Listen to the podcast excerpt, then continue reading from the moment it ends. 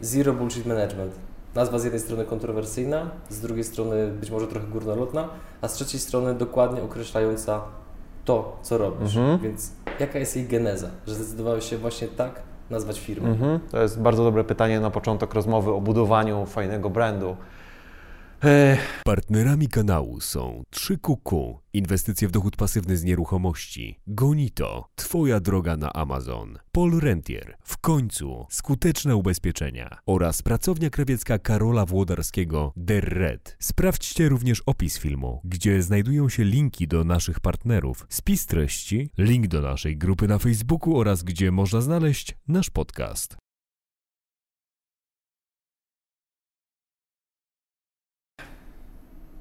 Nazwa wyszła mi przypadkiem i to tak naprawdę jestem w 300% ja.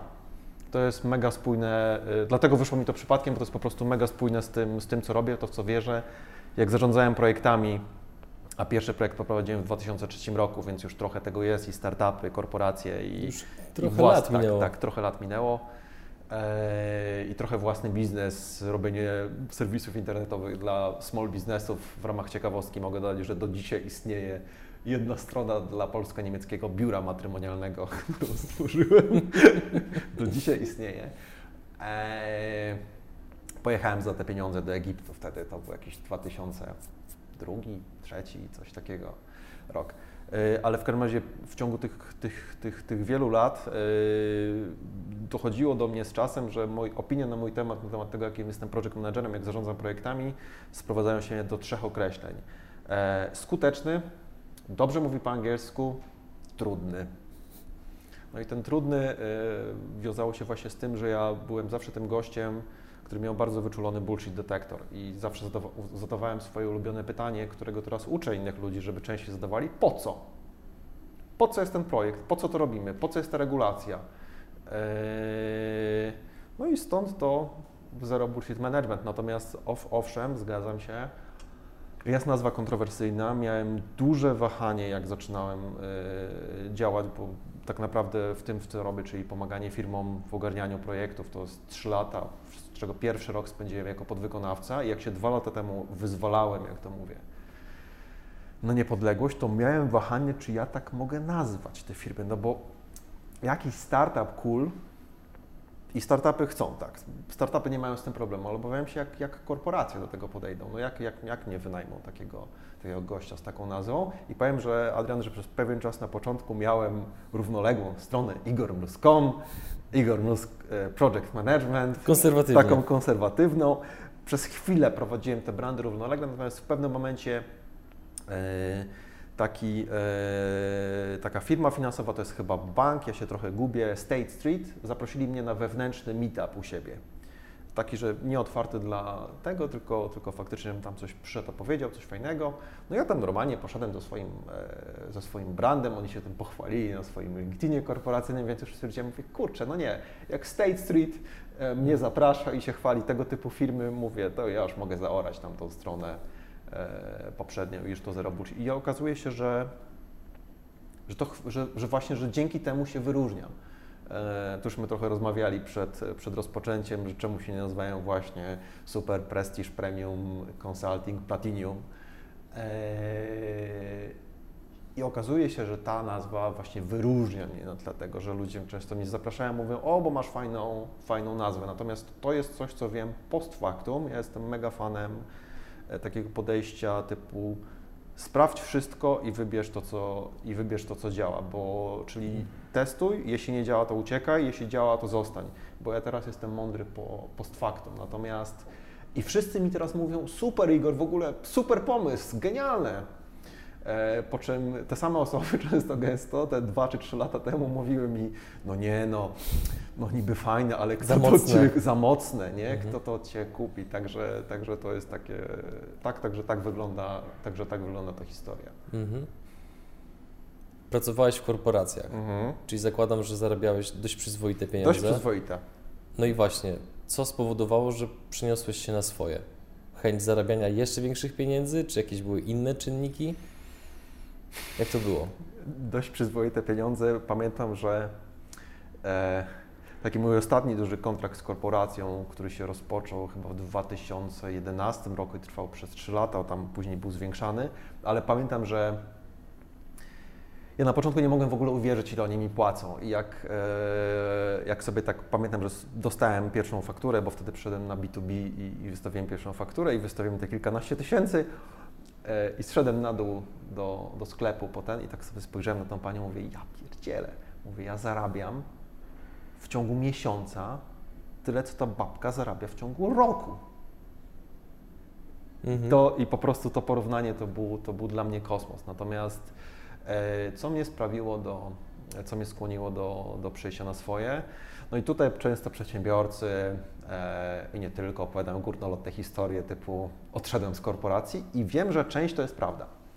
E, ja bardzo podziwiam takich ludzi, zresztą bardzo często zadaję ludziom pytanie o te zmiany. Natomiast w moim przypadku to jest tak, że mi pomogło życie w moich takich dwóch dużych zmianach. E, właściwie w kilku więcej, ale dwie, dwie były takie, takie, e, takie kluczowe. Z korporacji odszedłem dlatego, że się wypaliłem, ale to też jest teraz modny temat, natomiast u mnie to już doszło E, bardzo lubię film Fight Club i tam główny bohater nie może spać i to mniej więcej u mnie tak wyglądało. Ja spałem, potrafił być tak, że spałem przez parę dni z rzędu po jedną, dwie godziny dziennie i powiedziałbym, że polecam ten stan, on jest bardzo ciekawy, bo synapsy się dziwnie w mózgu łączą człowiekowi, dziwne pomysły do głowy przychodzą. Gdyby tylko nie był tak zmęczony, to ogólnie byłoby super. E, wrzody żołądka, e, jakieś takie rzeczy. Ja po prostu na ostatnich nerwach, że tak powiem, zachowałem się niezbyt profesjonalnie w stosunku do swojego mhm. przełożonego e, w trakcie spotkania z zespołem, nazwijmy to tak dyplomatycznie. I jasne, być może mogłem tam... Co zrobiłeś? Y, no, wyraziłem swoją dezaprobatę w stosunku do, powiem tak dyplomatycznie, w stosunku do kontynuowania projektów, który, do, który miałem, y, za które odpowiadałem. Ja po prostu nie wierzyłem, uważałem, że ten projekt jest bez sensu. I to było coś silniejszego e, niż po co? E, no właśnie, ja nie widziałem tego po co w tym projekcie. Z czasem później się zorientowałem, że prawdopodobnie tu też chodziło trochę o politykę firmową, o takie rzeczy yy, i no i już. I, i, i to mnie po prostu wypalało. Yy, ja coraz silniej protestowałem, w pewnym momencie po prostu mi żyłka, żyłka mi puściła. To nie było fajne, to nie było profesjonalne, można to było zrobić zupełnie inaczej. Yy, nie jestem fanem takiego podejścia typu rzucam korporację i zobaczę co dalej w moim przypadku to po prostu było, człowiek się nie zachowuje racjonalnie, to jest niesamowite. W tej sytuacji Ci się w ogóle wydaje, że wszystko jest super, że myślisz racjonalnie, po czym patrzysz na siebie rok później, jak na przykład odtajałeś i myślisz Jezus Maria. Eee, więc no tak, zdecydowaliśmy się rozwiązać kontrakt. Ja mogłem tam gdzieś zostać, być może w innym projekcie, bo to była duża firma, natomiast ja już byłem w takim stanie, że za bardzo nie chciałem, e, nie chciałem w to, w to iść.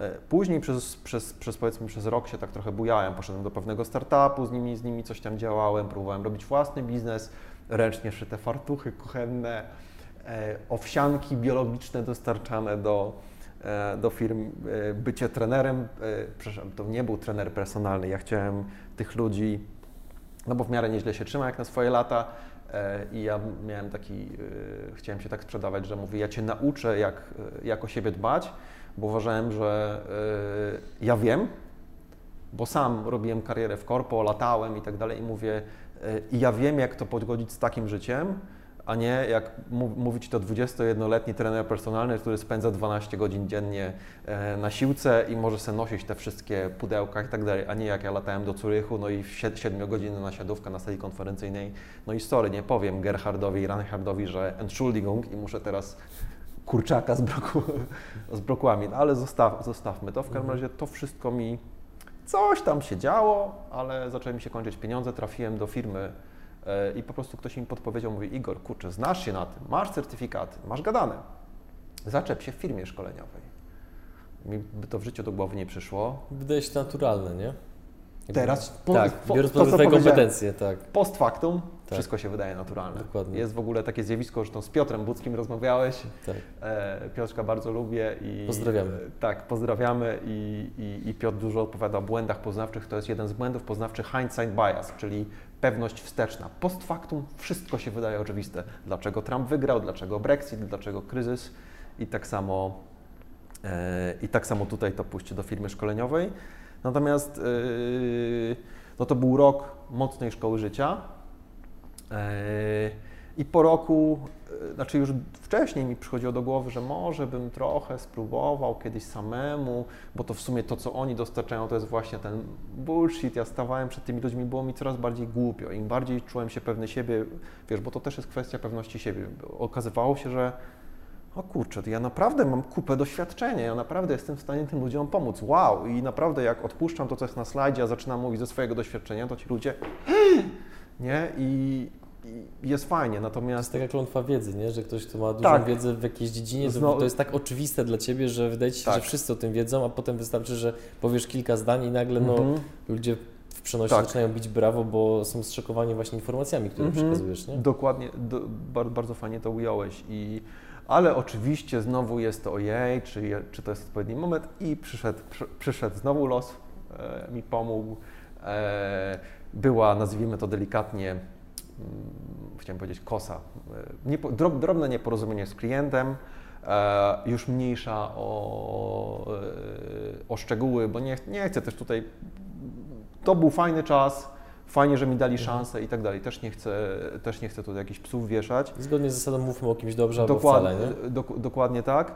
Natomiast, yy, natomiast po prostu no, pewne rzeczy tam się nie podziały, yy, nie podziały fajnie po tym, po tym nieporozumieniu z klientem ze strony tej firmy, która, yy, która mnie zatrudniała. Po prostu powiedzieli mi, że mi za coś nie zapłacą i to jeszcze powiedzieli tak, że my wiemy, że Twój kontrakt tego nie przewiduje, ale my Ci nie zapłacimy. Możesz nam wystawić fakturę, ale my Ci nie zapłacimy. Brzydko. E, brzydko. No i jak to coś takiego usłyszałem, pamiętam, że dobrze to był czerwiec, słoneczny, piękny i to pojechałem do Warszawy i wracałem z Warszawy, bo mieszkam w Krakowie, więc szedłem na Pendolino na centralnej i tak szedłem, to słońce świeciło i tak sobie patrzałem. Mówię, no Igor, myślałeś, żeby się kiedyś wyzwolić na niepodległość, no to chyba trzeba to zrobić szybciej. E, szybciej niż później. No i to był taki, e, i to Mhm. był taki drugi impuls, czyli E, podziwiam ludzi, którzy po prostu są w stanie tak po prostu wstać i wyjść. Mi pewne rzeczy też musiały pomóc, bo jest ta, jest ta Mhm. złota klatka, szczególnie w takich branżach właśnie outsourcing, IT, gdzie są tak gigantyczne pieniądze często ludziom płacone. Kiedyś to porównywałem, wiesz, mógłbym robić biznes na Allegro, mógłbyś robić biznes gdzie indziej, wiesz, i siedzisz po nocach, coś tam robisz i zarobisz tysiaka więcej. Ale kurczę, ja, dostałem tysiaka za dzień pracy, więc wystarczyło, że napiszę do szefa skądś tam, że a słuchaj, jestem przygnieciony robotą, a taki project manager zawsze jest przygnieciony robotą, zawsze ma coś do robienia. I muszę zostać, w sobotę bym popracował. I oni są w ogóle jak na, jak na to, jak na lato, siedzisz sobie przed kąpem 8 godzin w sobotę, wysyłasz maile, dostajesz tysiaka. Wracając do wypalenia zawodowego. Mhm. Powiedziałeś, że to jest temat modny, częściowo się zgodzę, a częściowo uważam, że jako Mhm. naród wciąż jesteśmy troszeczkę tacy wycofani pod kątem przyznawania się do słabości albo do tego, że mamy problem. Jakby mówienie, że korzysta się z usług terapeuty czy, czy psychologa Mhm. jest wciąż takim troszeczkę tematem tabu, być może stawiającym Cię nie, oczywiście niesłusznie w świetle tego, że no, jesteś osobą, która sobie nie radzi, nie? Ja chciałbym, żebyśmy takie coś odczarowywali Aha. najczęściej jak się da, bo to nie jest prawda, to jest, to jest kłamstwo i z takich specjalistów trzeba korzystać, jeżeli jest e, to, to, to niezbędne, zwłaszcza, że jednak no, wskaźniki dotyczące samobójstw raczej no, nie idą Mhm. w dół, tylko bardziej w górę. Więc jakie z Twojego doświadczenia czynniki jakby pokazują, że może człowiek się spodziewać tego, że wypalenie zawodowe Mhm. się zbliża? Mhm. Po czym to poznać? W ogóle bardzo ciekawą rzecz, Adrian, powiedziałeś, bo masz pełną rację odnośnie tego, odnośnie e, tych samobójstw, odnośnie tej terapii i tyle. Właśnie złap- złapałeś mnie na tym, e, że każdy z nas żyje w jakiejś bańce i porównuje się do znajomych. I to jest tak, wśród ludzi, wś- wśród których ja się obracam, to pójście na jakąś terapię, kurczę, większość moich znajomych było na terapii, sam byłem na terapii. Nikt z nas nie jest normalny. Tak, tak naprawdę, zresztą no, abstrahując od kwestii definicji normalności i fajnie się czasem trochę naprostować. Natomiast faktycznie wiem, że dla wielu osób to dalej nie jest, e, nie jest jakieś normalne, jest to, jest to czymś, czymś dziwnym. E, I te symptomy. e, Ja też chciałem odróżnić właśnie, bo wiele ludzi mówi, że jest wypalonych, podczas gdy tak naprawdę ma chwilowy, zmęczeni po prostu. Co jest zupełnie normalne, nie? Masz lepsze, gorsze okresy, nie wszystkie Twoje projekty są sexy, no ja się śmieję. E, wczoraj e, pracowałem z ludźmi w Poznaniu, e, w takim dużym centrum finansowo-księgowym i dziewczyny się śmieją, bo ja tak mówiłem, kurczę, to jest, to jest normalne, że Wam się czasem nie chce, bo nie wszystkie Wasze projekty są sexy. Tutaj jedna z, jedna z nich, Karolina, miała projekt employer brandingowy, no i to jest fajne, wiesz, jedziesz sobie do takich ludzi jak Ty, może nagrywasz filmy, to jest fajne. A jak ktoś tam robi jakieś, wiesz, rozszerzenie do systemu SAP, no to trudno być, yy, trudno, wiesz, ra, rano budzić, mówię, ja zrobię coś super, nie? Yy, więc takie górki i dołki są normalne, natomiast takie symptomy już faktycznie, że coś jest nie tak, yy, to jest jak wszystko albo większość pomysłów, które na przykład ktoś Ci rzuca w firmie, na spotkaniach i tak dalej, wszystko Ci się wydaje e, głupie, beznadziejne i takim sarkazmem na to reagujesz.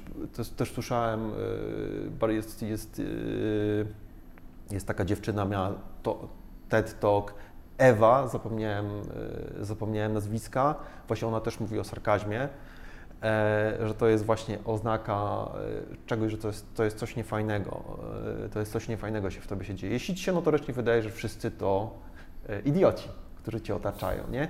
Że Ty, jeden, jedna wiesz, jak to wszystko załatwić, a wszyscy dookoła, wszyscy dookoła średnio. U mnie to wyglądało w tym skrajnym momencie mniej więcej tak, że to nie było tak, że to była permanentna depresja, że świat był szary. Nie, ja wstawałem rano i w sumie wydawało mi się, że życie jest spoko, że wszystko jest spoko, że pójdę, że będzie fajnie, że damy radę, ale gdzieś maksymalnie 10, 10.30, 11 przychodził ten jeden mail, przychodziło to jedno spotkanie i stwierdziłem, Jezu, banda debili. I już wtedy mi się po prostu nic nie chciało, znowu mi się ten sarkazm włączał i tak, tak, nie, widzia, nie, nie, nie, widziałem sensu w tym wszystkim, podczas z perspektywy czasu to wcale nie była zła firma, to wcale nie byli głupi ludzie, a wtedy ja trochę nie widziałem tego światełka w tunelu, a to była taka sytuacja, uważam, że o wiele łatwiej się wyzwolić w momencie, gdy masz takie, taką ewidentną rzecz, nie? Gdy masz partnera, który cię leje, gdy masz szefa, który cię Yy, który cię gnębi, yy, który cię gnębi yy, ewidentnie i tak dalej. A trochę gorzej jest, kiedy jesteś w takiej sytuacji, w której w której trochę jesteś w konflikcie ze swoimi wartościami, ale ogólnie wszyscy są mili, ogólnie wszyscy są kulturalni, masz fajną pensję, wszystko jest fajne i zaczynasz sobie myśleć, kurczę, coś jest ze mną nie tak, nie? Ja powinienem się tutaj Y, dostosować i, i, i, już, a to tak nie do końca jest prawda, bo można, można skończyć, y, no można skończyć, no, może się to skończyć tak jak, tak jak u mnie, czyli po prostu już w pewnym momencie człowiek przestaje myśleć, puszczają mu nerwy, puszczają mu hamulce, no i tyle, no i to nie jest, nie jest fajne. Ja akurat miałem tę komfortową sytuację, że nie miałem żony i dzieci na utrzymaniu, ale gdybym odwalił takie coś, mając na przykład kre, kredyt we franku na 700 tysięcy i, i rodzinę na utrzymaniu, nie daj Boże dziecko chore, to nie byłoby fajne. O wiele mądrzejsze byłoby rzucić tę pracę pół roku wcześniej i znaleźć sobie być może nawet 75% tej pensji, tylko w trochę, w trochę bardziej zdrowym środowisku. Co według Ciebie powoduje, że ludzie którzy doświadczają dużego stresu w mhm. firmie, bądź takiej właśnie bezsensowności działań, mimo wszystko w niej zostają. To jest ta koncepcja złotej klatki, o której rozmawialiśmy wczoraj. Yy, wspominałem też, bardzo uwielbiam te, znaczy bardzo uwielbiam, bar, bardzo lubię tę metaforę z żabą. Yy, czyli jeśli masz garnek i masz nim wrzącą wodę, jest spróbujesz rzucić do tego żabę. Tak mówią ludzie, bo ja nigdy tego nie robiłem. E, to ta żaba wyskoczy. Ale podobno, kiedy ten sam garnek postawisz na gaz, z taką chłodną wodą, wsadzisz do niego żabę, postawisz go na gaz i to się będzie powoli podgrzewało, to ta żaba się ugotuje. E, czyli takie stopniowe zwiększanie tego, ty tego nie czujesz. Myślę, że dokładnie tak samo jest, tak samo jest w takich sytuacjach. To, wiesz, jeśli, jeśli byś wszedł w jakieś nowe środowisko, do nowego projektu i nagle wszystko, wiesz, jest totalnie w totalnym konflikcie, z tobą, to, to można wyskoczyć jak ta żaba, ale jeśli te rzeczy zaczynają się zmieniać z czasem, nie wiem, tu jest jakaś zmiana w firmie, tu jakiś, wiesz, niefajny klient, tu zespół ci się zmienił, tu ci się zmienia szef, e, zmienia się sytuacja na rynku biznesowym, też, też e, o wiele gorzej podejrzewam jest dla przedsiębiorców, bo to wiesz, w firmie robić karierę to jest jedno, ale jeśli jeszcze ty jesteś przedsiębiorcą, właścicielem, stoisz u sterów tego i na przykład przez 5 lat wszystko było super, a potem następne 3 lata są totalną orką i tak naprawdę ty nie widzisz. Ten, jakby ktoś z zewnątrz spojrzał, czy jakbyś miał w to wejść jeszcze raz, to twój biznes tonie jest na przykład, wiesz, w słabym, w słabym miejscu. Jest wiele takich biznesów, które moim zdaniem są w, są w tym momencie w takiej sytuacji ze względu na to, co się dzieje ze światem. Nie wiem, e, można już teraz, nie wiem, kupę rzeczy, wiesz, te wszystkie, te wszystkie rzeczy z importem z Chin i tak dalej. Już coraz więcej ludzi kupuje rzeczy na AliExpressie i tak dalej. I, Przestało to być czymś egzotycznym. Przestało to być czymś egzotycznym, te marże przestają być takie super i wiesz, jak sobie 10 lat temu można było za to szybko Mercedesa kupić, no to teraz już sorry, ale no, przechodzą na Mazda i, i, i, i tyle, ale ty w tym tkwisz, trwasz, bo to się dzieje powoli. I jak sobie z tym radzić? Co może w tym pomóc? Myślę, że jakieś osoby z zewnątrz. Okej. Okay. Yy, czyli przyjaciele, którym ufasz yy, i którzy faktycznie są w stanie, nie wiem, przywalić ci tak od, w, odpowie, w odpo, odpowiednio mocno, odpowiednio celnie, ale też nie za mocno, żeby coś takiego zrobić. Mądry coaching. Ja wiem, że coaching jest w ogóle yy, takim kontrowersyjnym. No został, to słowo zostało trochę wypaczone tak. w Polsce przez jakby no, zastępy osób, które przeczytały kilka książek amerykańskich mhm. mówców no i nauczają innych, nie? Dokładnie tak. Natomiast jeśli, jeśli jest sensowny, mądry, doświadczony coach i ci, wiesz, zada parę takich pytań typu najprostsze to jest, no i jak w perspektywie tego, jak się zachowuje rynek, widzisz swój biznes za 3 lata. I wiesz, i jeśli siedzisz, i wiesz, i jeśli faktycznie masz tę chwilę zatrzymania, że tam siądziesz, że, że, że faktycznie nad, nad tym zastanowisz, to, to to pytanie, jeśli jesteś w takim biznesie, który ewidentnie zalicza ten decline, e, no jest niszczące, znaczy niszczące w pozytywnym sensie, nie? Bo po że otwiera oczy. Po prostu zdajesz sobie sprawę, mówisz, aha, dobra, trzy lata temu było tak, dwa lata temu było tak, dzisiaj jest tak, perspektywy na rynku są takie, a takie i no... Mhm. Na przykład branża druku, takiego papierowego, nie? Ja, ja nie, widzisz, ja zero bullshit management między innymi polega na tym, że ja się nie chcę kreować na eksperta, w czymś nie Jasne. jestem. Ja się znam na zarządzaniu projektami, więc ja mam parę opinii na temat branż. Nawet tak ostatnio rozmawialiśmy z moim znajomym chociażby na temat branży gadżetów reklamowych. Właśnie a propos AliExpressu i tak dalej, że e, naszym zdaniem to, nie, to, nie może się, to niekoniecznie się zdarzy. I niekoniecznie, znaczy to się pewnie zdarzy, ale niekoniecznie jakoś być może super szybko. Ale właśnie taka firma jak, jak Alibaba pewnie prędzej czy później może otworzyć taką usługę, bo to jest prosta strona internetowa, na której wybierz, wybierz model kubka, wybierz rodzaj nadruku, czy zamawiasz 1000, 20 tysięcy, czy 100 tysięcy, no i czy zamawiasz transport lotniczy z Chin, czy zamawiasz kontener i tak dalej. Kliknij tutaj, zrobione. I te mhm. wszystkie firmy z dnia na dzień model biznesowy przestaje im się przestaje istnieć. Mhm. I, I tyle. No i myślę, że myślę, że jest x takich, x takich miejsc.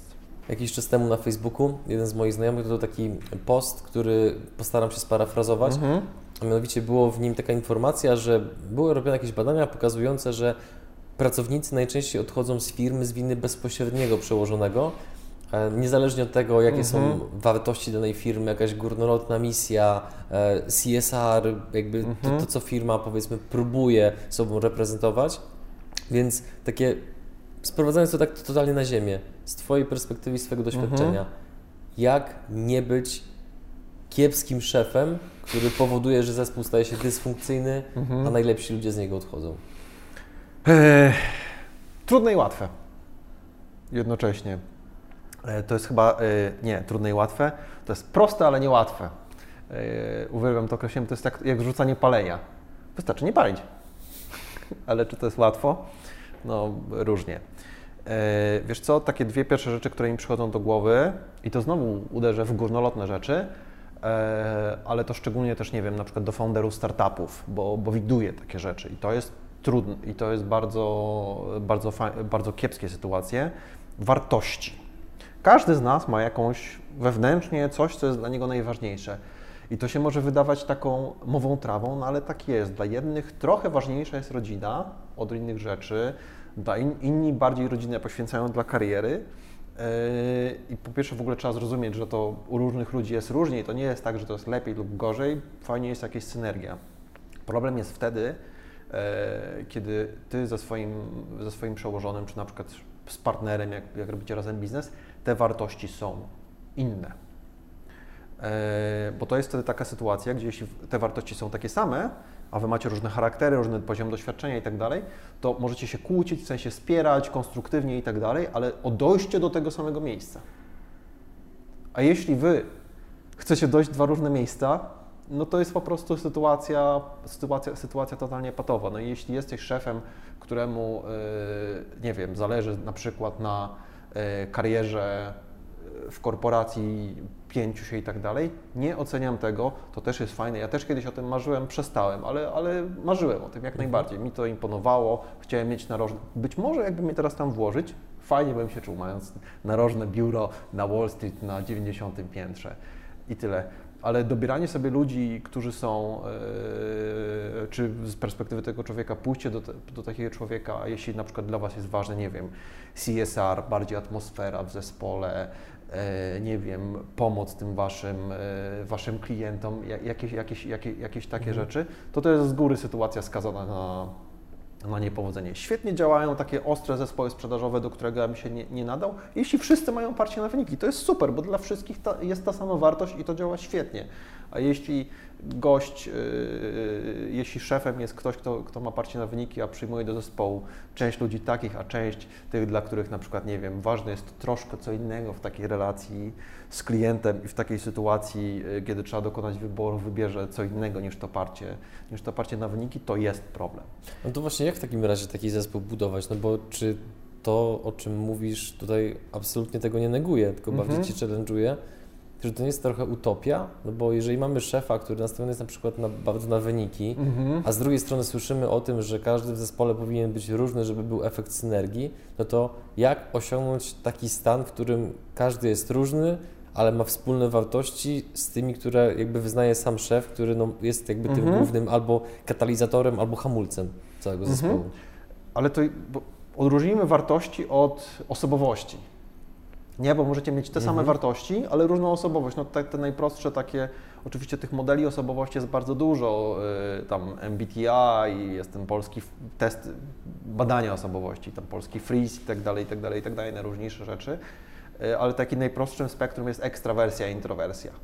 No ale możesz mieć zespół złożony z ekstrawertyków, introwertyków, ludzi bardziej analitycznych, ludzi mniej towarzyskich, bardziej towarzyskich, ale że wszyscy mają, to nie determinuje w co oni wierzą. Oni wszyscy mogą być hiperrodzinni, oni wszyscy mogą mieć hiperparcie na wyniki, tylko robią to, chodzi o to, żeby oni mieli zbliżone te wartości, ale fajna synergia następuje, kiedy oni to robią w inny sposób, bo yy, nawet, nawet zarządzanie, nawet, zarządzanie projektami zdecydowanie. Ja mówię, rozmawiam z ludźmi o tych osobowościach, i pokazuje im taki typowy, e, taki jeden z takich bardzo, bardzo, bardzo typowych e, e, charakterów w tym modelu MBTI jest taki, jest taki test 16 Personalities i tam jest taki gość INTJ i to jest czekaj, ESTJ to jest wykonawca, mniejsza z tym, ale INTJ i to jest taki gość właśnie nastawiony na wynik, skupiony, zasady, jedziemy, uczucia, no może to nie tak ważne i tak dalej. I to byłem ja, bo to człowiek też ewoluuje, do momentu aż trochę wluzowałem. E, I to się wydaje idealny, idealny e, członek zespołu projektowego dla, dla wielu osób. I z jednej, Trochę robot. I z, jednej, I z jednej strony tak jest, bo musi być taka osoba, która to wszystko ułoży i będzie parła do przodu, odetnie te, te nieważne rzeczy, ale z drugiej strony mówię tak, ludzie, gdyby tak świat wyglądał, to wszystko byłoby wszystko byłoby szaro-burę, ja się zawsze śmieję w tym momencie, pokazuję na siebie, wszystko byłoby granatowo, czarno-białe albo szare, równe. Na przykład w Japonii mi się bardzo podobało te wszystkie, jak ludzie stoją w kolejce do tego, do pociągu, to, to, to wszystko jest super. Natomiast nie byłoby w ogóle tego elementu kreatywności, fajnej, fajnej kamizelki tu, e, tu z czymś, nie, nie, nie, nie, byłoby, nie byłoby tego spice'u, w tym projekcie by się źle pracowało. I na przykład taki gość, który jest super zorientowany na e, tylko, na, e, tylko po prostu wykonajmy plan, to on się w połowie projektu mi dużo czasu zajęło, zanim się zorientowałem, że jeśli przychodzi ktoś z lepszym pomysłem, to może warto trochę odpuścić ten plan, przegadać, bo może warto zrobić to trochę dłużej, trochę drożej, ale żeby było lepiej, żeby było na dłużej, żeby ludzie byli bardziej zmotywowani, żeby klient był szczęśliwszy, i, i tyle, a nie, że każda zmiana do projektu to jest w ogóle fairboaten i, i spaduwa. Także i fajnie jest mieć ludzi dobranych różnie w zespole, bo jeśli wszyscy y, są tacy sami, to po prostu możemy e, wszyscy biec jak te lemingi w kierunku przepaści, w nią wskoczyć i wszystko jest radośnie i fajnie. Myślę, że to też było jedną z przyczyn tych wszystkich tam globalnych, spektakularnych upadków, film typu Enron i tak dalej, i tak dalej. Myślę, że oni wszyscy byli, mieli parcie na wyniki, byli podobni osobowościowo, no i w sumie dobrze, no biegniemy na przepaść, a jak się zawali, to może kiedyś w przyszłości. No to, czyli mamy wartości. Jakie jeszcze inne elementy powodują, Ego. że szef Ego. rozwala zespół? Ego. E, Jak, jak pracuję z ludźmi, to wdrażam coś takiego jak pięć zasad. To są takie moje autorskie, ale to się, to się tam urodziło z czasem. Ja to nie było tak, że sobie po prostu siadłem i wymyśliłem pewnego dnia pięć zasad skutecznego lidera i tą ostatnią jest kontrola ego. I ostatnio gdzieś przeczytałem, że ktoś w jakimś tam innym modelu też gdzieś ktoś coś ma podobnego. Ja nazywam ego, że jest naszym i, z, i sprzymierzeńcem, i wrogiem jednocześnie. Dlatego ta kontrola, dlatego nie mówię, że ego jest tam, jak Ryan Holiday ma taką książkę Ego is the enemy, ja nie idę aż tak daleko. No bo żeby być liderem, żeby tych ludzi jakoś ze sobą pociągnąć, to trochę tej pewności w siebie musisz mieć, trochę tego, to ego musi być zdrowe, tak bym to nazwał. Natomiast problem dzieje się wtedy, kiedy właśnie to ego Cię trochę hamuje i przerasta, czyli że zawsze Twój pomysł jest naj, najlepszy, najważniejszy. Zawsze musisz wszystkich przekonać. Ja tak zadaję ludziom takie, takie podchwytliwe pytanie. Mówię, czy, e, czy wolisz długoterminowo wygrać, zrobić dobrze dla projektu, czy wolisz mieć rację za każdym razem? E, Bo czasami no, stłam się człowieka, zgnoisz, przekonasz go, zarzucisz go swoimi argumentami, będziesz miał rację. No i co z tego, jak on będzie chował urazę? E, I jest x tego typu problemów na co dzień w zarządzaniu. Szefowie z przerostem ego no po prostu mniej słuchają, e, a to szczególnie tutaj oczywiście mówimy do branż takich, które wymagają faktycznie, wiesz, inteligencji, kreatywności i tak dalej. No i e, wiesz, e, masz tych x ludzi, ale przestajesz ich słuchać, bo masz, e, bo masz trochę ten przerost. Żadna osoba działająca długo w szeroko rozumianym biznesie nie przechodzi przez niego suchą stopą. Mhm. E, jednak no, częściej popełnia się jakieś powiedzmy błędy, porażki, których się za bardzo nie mówi, no bo znowu troszeczkę Mhm. ta, to środowisko, w którym funkcjonujemy, powoduje, że e, nie ma takiej powiedzmy tego podejścia jeszcze, jak jest w Stanach, że jeżeli powiedzmy zbankrutowałeś, to wyniosłeś doświadczenie, nie, zbankrutowałeś, to jesteś stygmatyzowany, jesteś gorszy, słabszy, głupszy, Mhm. a nie udało Ci się. Więc jakie były Twoje fakapy, które na pewno były, jeżeli możesz Mhm. się nimi podzielić, to Mhm. prosimy. Yy, Chciałem zacząć właśnie od, te, od czegoś, co jest związane z ego, e, czyli mm, na początku takiej swojej, takiej mocno, e, jak, jak ta kariera tam zaczęła iść do góry, korporacyjnej ścieżki, byłem project managerem bucem.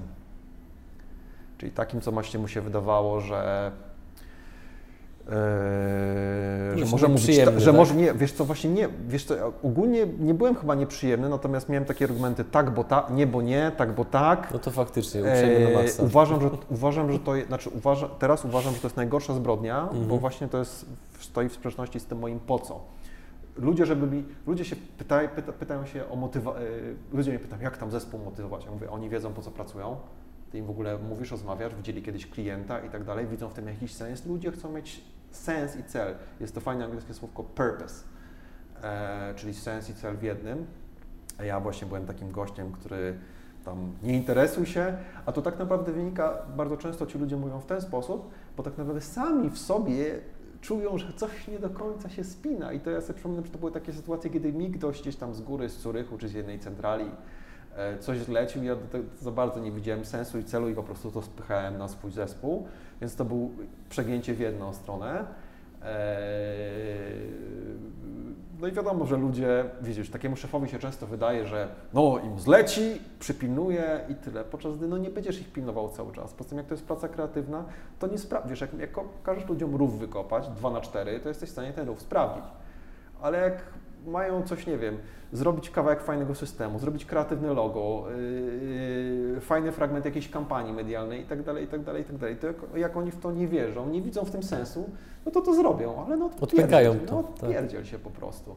Także to był, to był jeden, to, także to był ten i ja po prostu, wiesz, mam ochotę wejść pod stół i piszczeć jak foczka, jak sobie przypominam swoje zachowania z wtedy. A co było takim punktem zwrotnym, że przestałeś być bucem?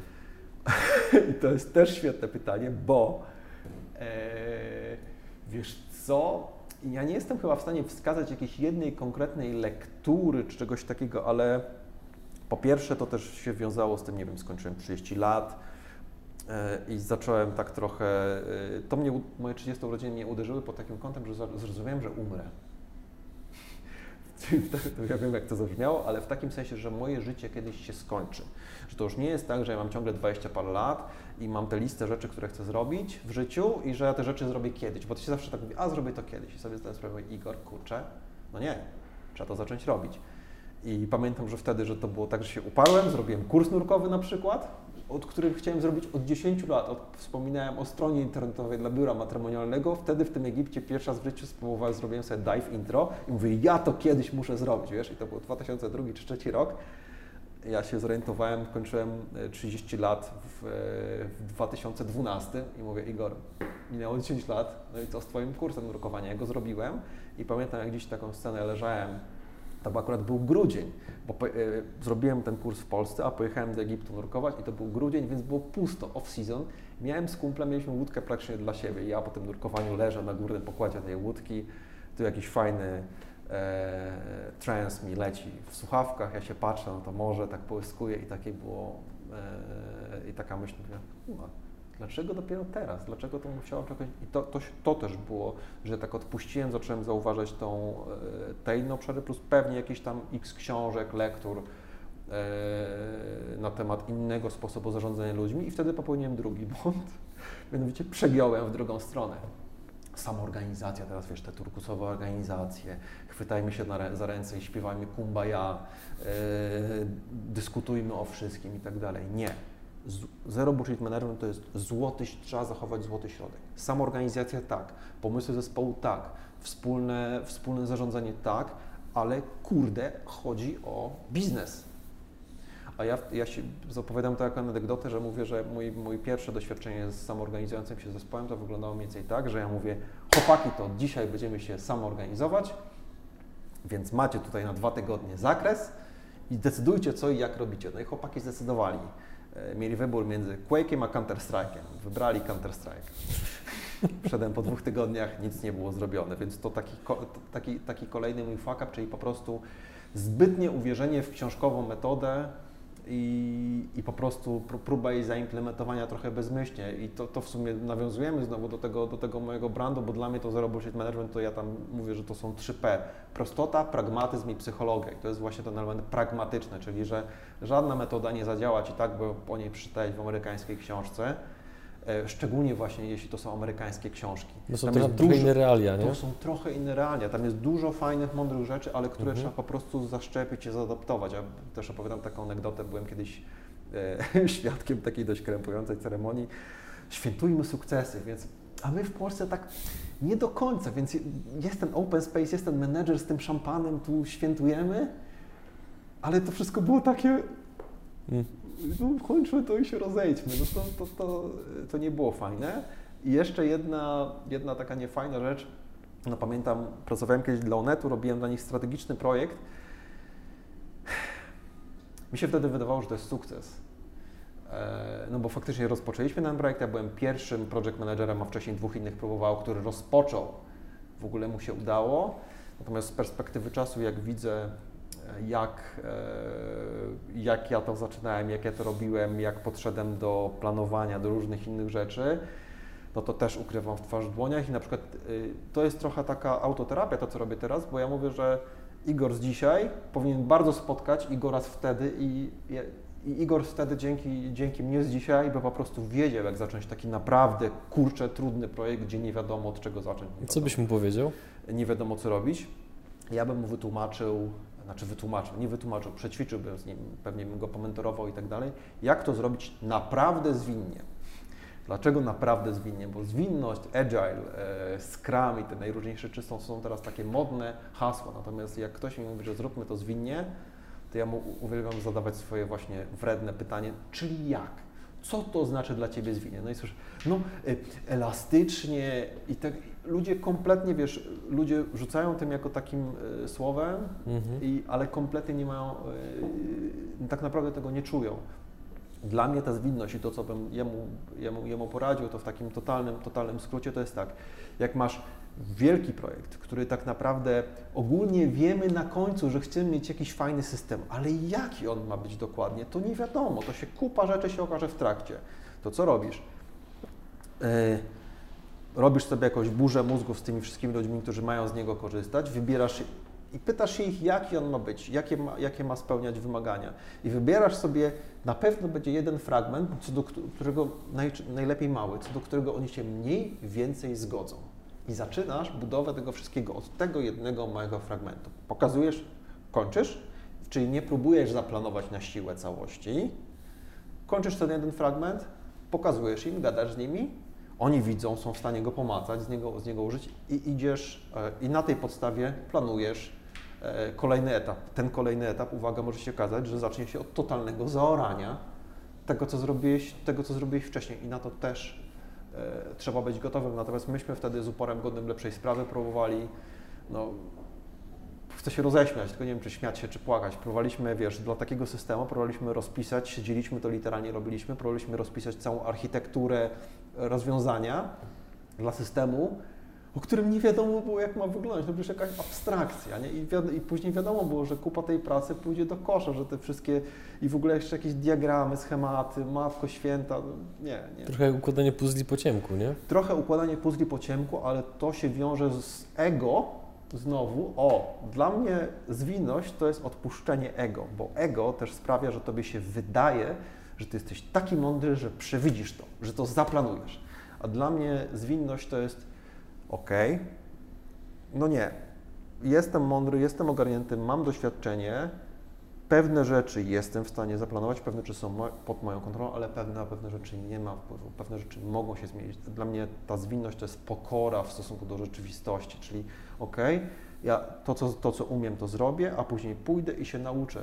Jak podaję przykład, przykład na szkoleniach, yy, nie tylko, wiesz, bo to się z IT kojarzy, ale na przykład Inditex, właściciel Zary tak zaczął. Zara mega wyprzedziła te różne, te różne inne marki, bo oni zaczęli podchodzić do sprawy zwinnie, czyli zamiast e, przychodzić, wiesz, kreśl, e, przychodzi tam e, gość, co robi kolekcję i wymyśla, że zrobimy taki t-shirt, taką sukienkę i tak dalej. Tak to, tak to do dzisiaj pewnie wygląda jeszcze w niektórych markach, ale już bardzo mocno się to zmieniło. Czyli jest na przykład lipiec, a oni projektują kolekcję zimową, no i przychodzi jego szef kreatywny, mówi, no ogólnie super, robimy to. No i zamawiają w Bangladeszu 12 milionów tych t-shirtów, 13 milionów tych sukienek i tak dalej. No i to przychodzi z tego Bangladeszu, i to wieszają do sklepu, no i co się dzieje? Wszystko się tak samo sprzedaje? No nie bardzo, nie? No nie bardzo. Nie, ten t-shirt na przykład chwyta i wszystkie schodzą na pniu i w ogóle ci sklepikarze są wkurzeni, mówią, kurczę, moglibyśmy sprzedać tego trzy razy więcej, za dwa razy drożej i jeszcze by się sprzedało. A te kiecki, to im się, co im się wydawało, że są takie świetne, to nie schodzą. Mhm. To jest właśnie ten przejaw braku pokory, że myśmy siedli i spróbowali zaplanować z góry cały projekt na trzy lata do przodu. A Zara jak zaczęła robić? Zaczęła wybierać sobie sklepy, sklepy takie, wiesz, pilotażowe. I już nie w Bangladeszu tanio, tylko po prostu szyli na miejscu drogo. Żeby było szybko. Kilka mhm. E, tam nie wiem, kilkadziesiąt egzemplarzy i rzucali to do sklepów i patrzyli, co się dzieje. Mhm. Co chwyta, co nie chwyta. Nie? Okej, okay, te t-shirty się sprzedają, super, dobra, to ich nie zamawiamy 12 milionów, tylko 30 milionów. A ta kiecka się nie sprzedaje, zupełnie dobra, to po prostu musimy coś innego. A tamte spodnie są ogólnie super, ale klienci mówią, że te cekiny na pupie to słabizna, więc usuwamy, usu, usuwamy cekiny, więc po prostu przekonanie się. No i to, to jest dla mnie klucz tak naprawdę do mądrego robienia projektów w sumie w większości branż też, branż, też nawet w stosunku tego, co, co, co ja zrobiłem ze sobą, czyli zbudowaniem brandu przez dwa lata od praktycznie, wiesz, od praktycznie zera. To permanentne testowanie różnych rzeczy, mhm. spróbowanie różnych rzeczy i pójście w tym kierunku, w który działa, a nie ja sobie próbowałem to robić. Pewnie większość przedsiębiorców takie coś w pewnym momencie robi, kupuje sobie książkę o zarządzaniu strategicznym, tam jest, mówi, musisz mieć plan, musisz mieć roadmapę na 5 lat do przodu. No i sobie siedzisz i rysujesz tę roadmapę, po czym po roku się okazuje, że po prostu wszystko poszło e, totalnie w innym kierunku. To, totalnie w innym kierunku. I pół biedy, jak ty sobie z tego zdasz sprawę i mówisz, dobra, ta roadmapa, go with the flow. To jest, jeszcze, e, to jest jeszcze w miarę. Gorzej jest, jak ty się po prostu z uporem godnym lepszej sprawy. Nie, nie, tu wiesz, tu się klienci z innej branży pchają, ale nie, nie, ja chciałem iść w FMCG, nie? W FMCG. Yy, I nieważne, że farma do ciebie uderza, yy, jakiś tam biotech i tak dalej, i tak dalej. Nie, ja tutaj, ja, ja, ja tutaj idę w tamto, bo tak robi moja, mhm. Bo tak robi moja roadmapa, brak pokory. Za chwilę przejdziemy do tego, żeby porozmawiać właśnie sobie o budowaniu e, marki osobistej, bo to jest taki dylemat, który ma wiele osób często, czy stawiać na markę osobistą, czy na markę firmową. Dlatego no, chciałbym właśnie, mhm. żebyś się o tym troszeczkę Ciekawe. więcej wypowiedział, ale do tego przejdziemy zaraz. Natomiast dotknijmy jeszcze jednego tematu, który wydaje mi się, że jest interesujący i potrzebny. No mhm. bo jednak naszymi odbiorcami są przedsiębiorcy i teraz ja się zderzyłem z dwiema szkołami, że z jednej strony przedsiębiorcy mówią, że musisz rozumieć każdy element procesu w swojej firmie na wypadek, że kiedy ci wypadnie pracownik, ty możesz powiedzmy wejść w jego miejsce i ugasić pożar, a z drugiej strony też jesteś w stanie kontrolować, czy ten pracownik cię no, po prostu mhm. nie oszukuje, czy nie ściemnia i tak dalej. I okej, okay. natomiast z drugiej strony przy większych organizacjach nie jesteś w stanie ogarniać każdego elementu, każdej śrubki, każdego koła zębatego. No i teraz jak taki przedsiębiorca, zarządzając trochę większą firmą, jakich sygnałów powinien szukać, żeby stwierdzić, że project manager prawdopodobnie ściemnia, że jest coś nie tak, że projekt idzie albo za wolno, albo jest za drogi, albo są jakieś takie inne elementy, które project manager twierdzi, że tak powinno być, a jesteśmy w stanie w jakiś sposób być może dostrzec te sygnały alarmowe, żeby ten przedsiębiorca był w stanie się zorientować, że chyba nie jest tak, jak ten gość mówi. Hmm, dobre pytanie. E, I tak się zastanawiałem, co. Pierwsza rzecz, jaka mi przyszła do głowy, e, to jest. E, jest czasem taka metoda raportowania statusu w projektach światła. Czerwone, żółte, zielone. To pierwszą, pierwszą rzeczą, jakiej bym się bał, to cały czas zielone światło. Czyli, że cały czas wszystko idzie super, że to jest, wiesz, tak jak ja przychodziłem do domu w liceum i mama się mnie pytała, jak tam było synku w szkole. Dobrze. Dobrze, mamo. Myślę sobie, Jezus Maria, zagrożenie z geografii. klasówka ze skałek totalnie położona, nie? Mhm. E, i, czyli, czyli, takie, czyli, takie, czyli takie permanentne zielone światło, ale e, dla mnie dobre prowadzenie projektów to są relacje. I dla mnie takim zdecydowanie czerwo, takim, takim znakiem ostrzegawczym jest, jeśli y, taki project manager mówi o kliencie, dla którego robi, no dla tych debili robimy coś tam, znowu ci kretyni zmienili, i tam róż, różne mhm. mięso. I tak samo, jeśli na przykład zadzwoni klient do właściciela i dokładnie to samo słyszę, słyszę o project managerze, to jest moim zdaniem ewidentny znak patologii, bo dobrego projektu, dobrego biznesu nie da się długofalowo, długoterminowo robić w takim jasne. Są branże, w, którym, e, w których takie coś ma miejsce, to jest, to jest bardziej w takim, gdzie to są małżeństwa z rozsądku, gdzie są na przykład bardzo wyspecjalizowane jakieś e, firmy, które robią, wiesz, super wyspecjalizowany system dla jakiejś super wyspecjalizowanej branży, no i wtedy oni tak działają, działają długof, długofalowo, natomiast powiem brutalnie, że mamy rynek pracownika coraz bardziej, jakby ktoś nie zauważył. E, I drodzy Państwo, tak czy tak trzeba coś zmienić nawet w takich firmach, bo lud, klient pewnie zostanie i ten szef, dyre, tam dyrektor zarządzający Wasz pewnie zostanie, ale ci ludzie, którym on robi, zorientują się prędzej czy później, że pójdą do innej firmy, w której jest o wiele zdrowsza atmosfera, bo w takiej firmie nie ma zdrowej atmosfery. Kiedy się robi projekt, w którym głównie polega na tym, żeby oszukać klienta, oszwabić i tak dalej. Tak, byłem w takich miejscach i, i to, jest, to jest naprawdę niefajne.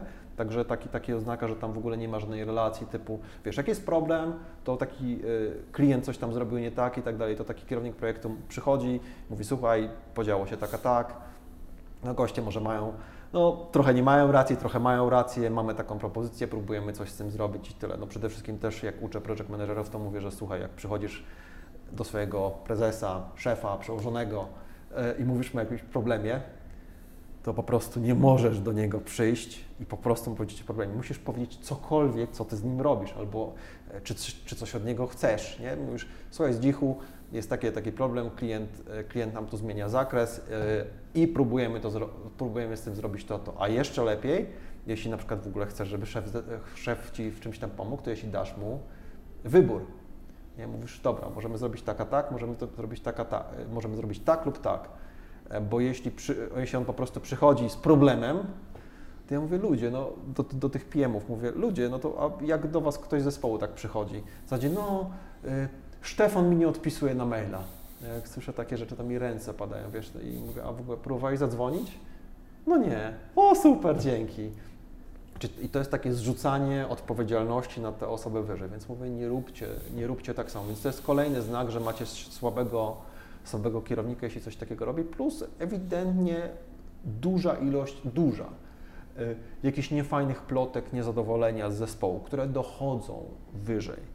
Nie? Bo to, że ktoś będzie niezadowolony, że, że coś tam, to się zdarza, to nie, nie oszukujmy się, takie rzeczy, takie rzeczy się dzieją, ale jeśli tam ewidentnie po prostu leje się jad, i, i tyle, to to też jest niefajny, e, niefajny, niefajny symptom. Wtedy też nie szedłbym i nie próbował od razu z zespołem gadać za jego plecami, bo to też nie jest fajne, tylko bardziej bym skonfrontował, wziął tę mhm. osobę i, i już. No i jeśli ona pójdzie w zaparte, sorry, no kłamie.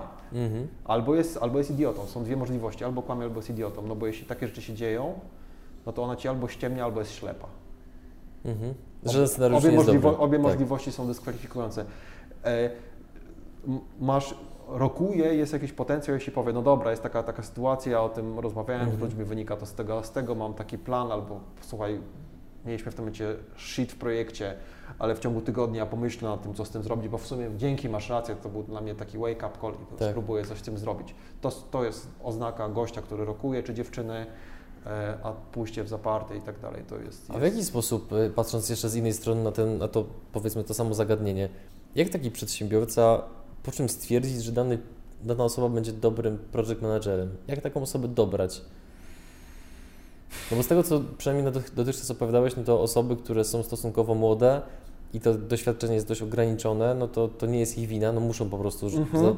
swoje przejść, zapłacić frycowe w postaci zainwestowanego czasu e, w zdobycie doświadczenia.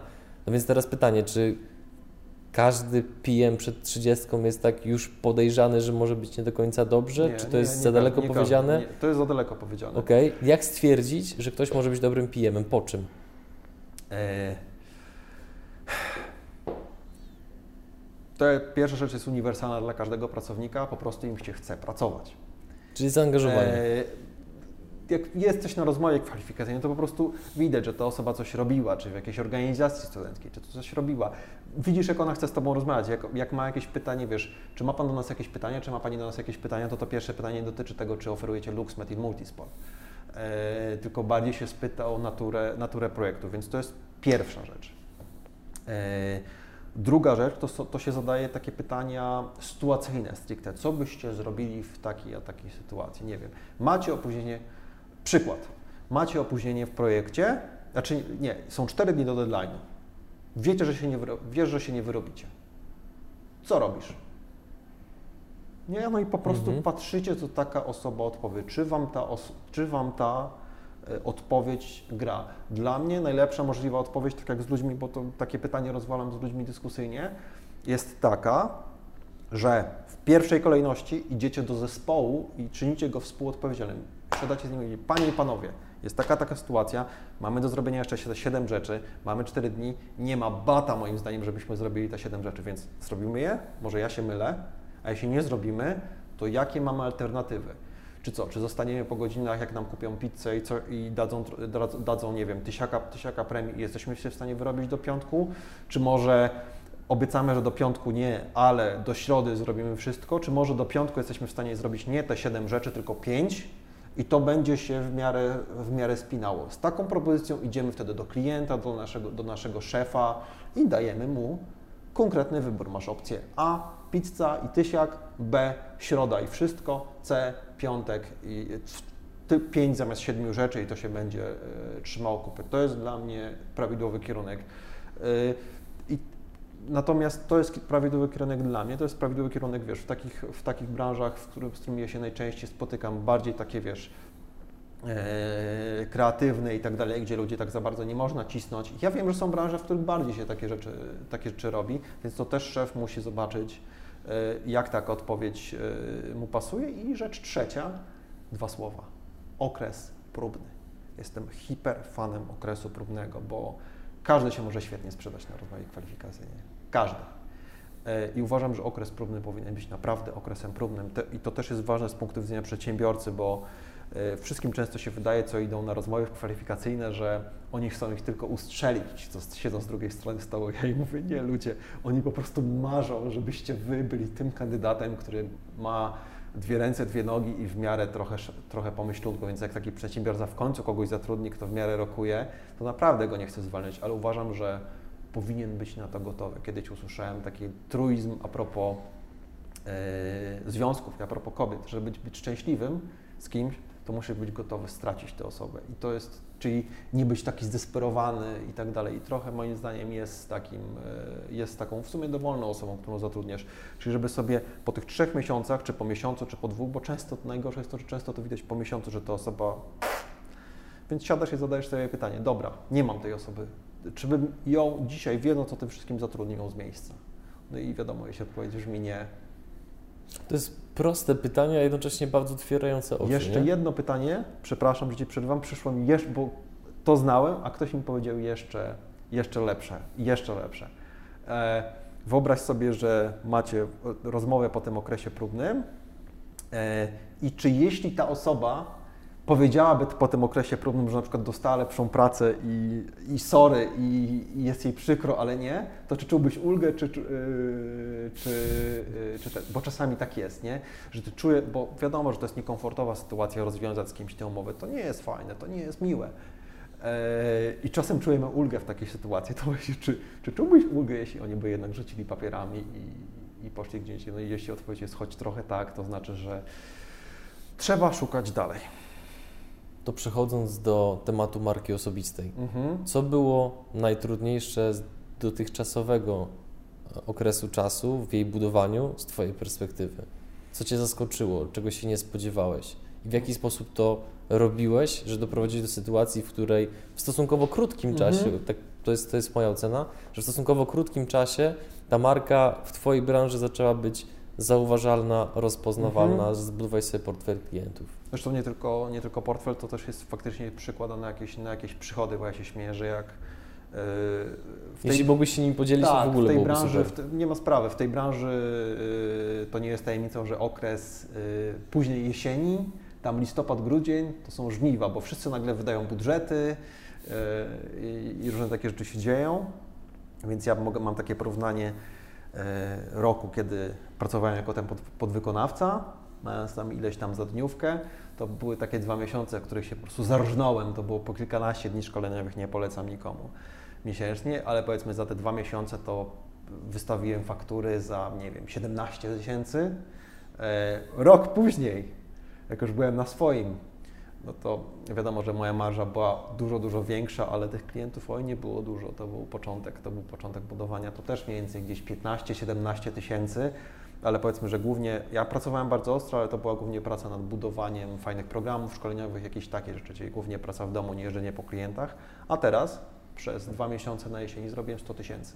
No to jest bardzo dobry wynik. Eee, także jest taki progres, ale przede wszystkim też uważam, że e, bardzo mocno pomogłem tym klientom, zresztą się śmieję, że dwa dni temu rozmawiam teraz z taką fajną firmą z Wrocławia i, i dałem mu na miarę na, na szefów w kilku firmach i on tak do mnie odzwania, mówi, ty, ty im zapłaciłeś, żeby oni takie rzeczy o tobie, o tobie, o, o tobie powiedzieli, bo wiadomo, że tutaj fajnie by było usłyszeć jakieś liczby konkretne. Ja jestem z tym zero, swoim zero bullshitem, jestem strasznie sceptyczny odnośnie różnych tam badań, że tu żeśmy oszczędzili tyle i tak dalej, bo ja wiem, że jest strasznie dużo czynników, natomiast mówię o tym, yy, przedstawiam to w ten sposób, że takie osoby jak właśnie team, team liderzy, project managerowie, product managerowie to są osoby w miarę dobrze opłacane. I załóżmy, że niech oni firmy kosztują dychę miesięcznie, tylko. Eee, już ze wszystkim, duże brutto i tak dalej, i tak dalej, i tak dalej, i tak dalej. To jeśli ja taką osobę tak przestawię, że oni będą tylko 10% efektywniejsi, a problem takich osób jest najczęściej taki, że oni mają 5 razy rzeczy za dużo do zrobienia i zajmują się nie tym, co trzeba najczęściej czyli na przykład odpisywaniem na maile, zamiast zostawić tego maila i na przykład pójść się skonfrontować z tym trudnym, e, z tym trudnym klientem, z trudnym partnerem, z trudnym innym dyrektorem, skonfrontować w takim pozytywnym sensie, spróbować z nim wyprostować relacje. To jest trudniejsze niż siedzenie, odpisywanie na, e, na różne maile, więc niech oni o 10% będą bardziej bardziej efektywni, no to sorry, ja biorę 15 tysięcy za, za takie trzydniowe szkolenie, ale jeśli 15 i tam grupa do 15-16 osób, wysyłasz do mnie 15 tych osób, każdy z nich jest 10% efektywniejszy, to się w miesiąc wraca. Mhm. Nie? Także e, Także, także tak, ale wracając do tego budowania brandu, tak wyglądał, tak. tak. wyglądał, ten, tak wyglądał ten progres, co było trudne.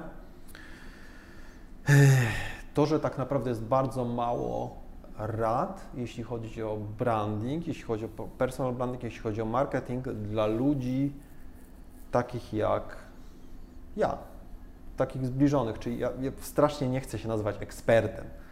E, dla ludzi, którzy trochę się znają, trochę lepiej się znają na tym, e, są pasjonatami w tym obszarze e, i, i tyle, bo większość tych rad jest stricte do jakiegoś product marketingu, to nie wiem, sprzedajesz fajną budowę do iPhone'a, zbuduj sobie landing page'a, zapnij, zapnij do tego testy AB, analityka, tu coś tam, tu musisz być obecny na fejsie i tak dalej. I widzisz, ja tego wszystkiego próbowałem, ale po długim czasie się zorientowałem, po niedługim czasie tak naprawdę, że to nie działa. Bo to jest w Twoim przypadku. W Twoim przypadku, bo to jest kompletnie inny biznes. Tu się nie podejmuje decyzji spontanicznej w zasadzie kupię sobie tę budowę za, za 200 czy za 100 zł, kupię sobie kurs online za 299. No kurczę, nie podejmujesz e, z dnia na dzień decyzji o pójściu, o wiesz, o wynajęciu gościa, który będzie kosztował 15 klocków.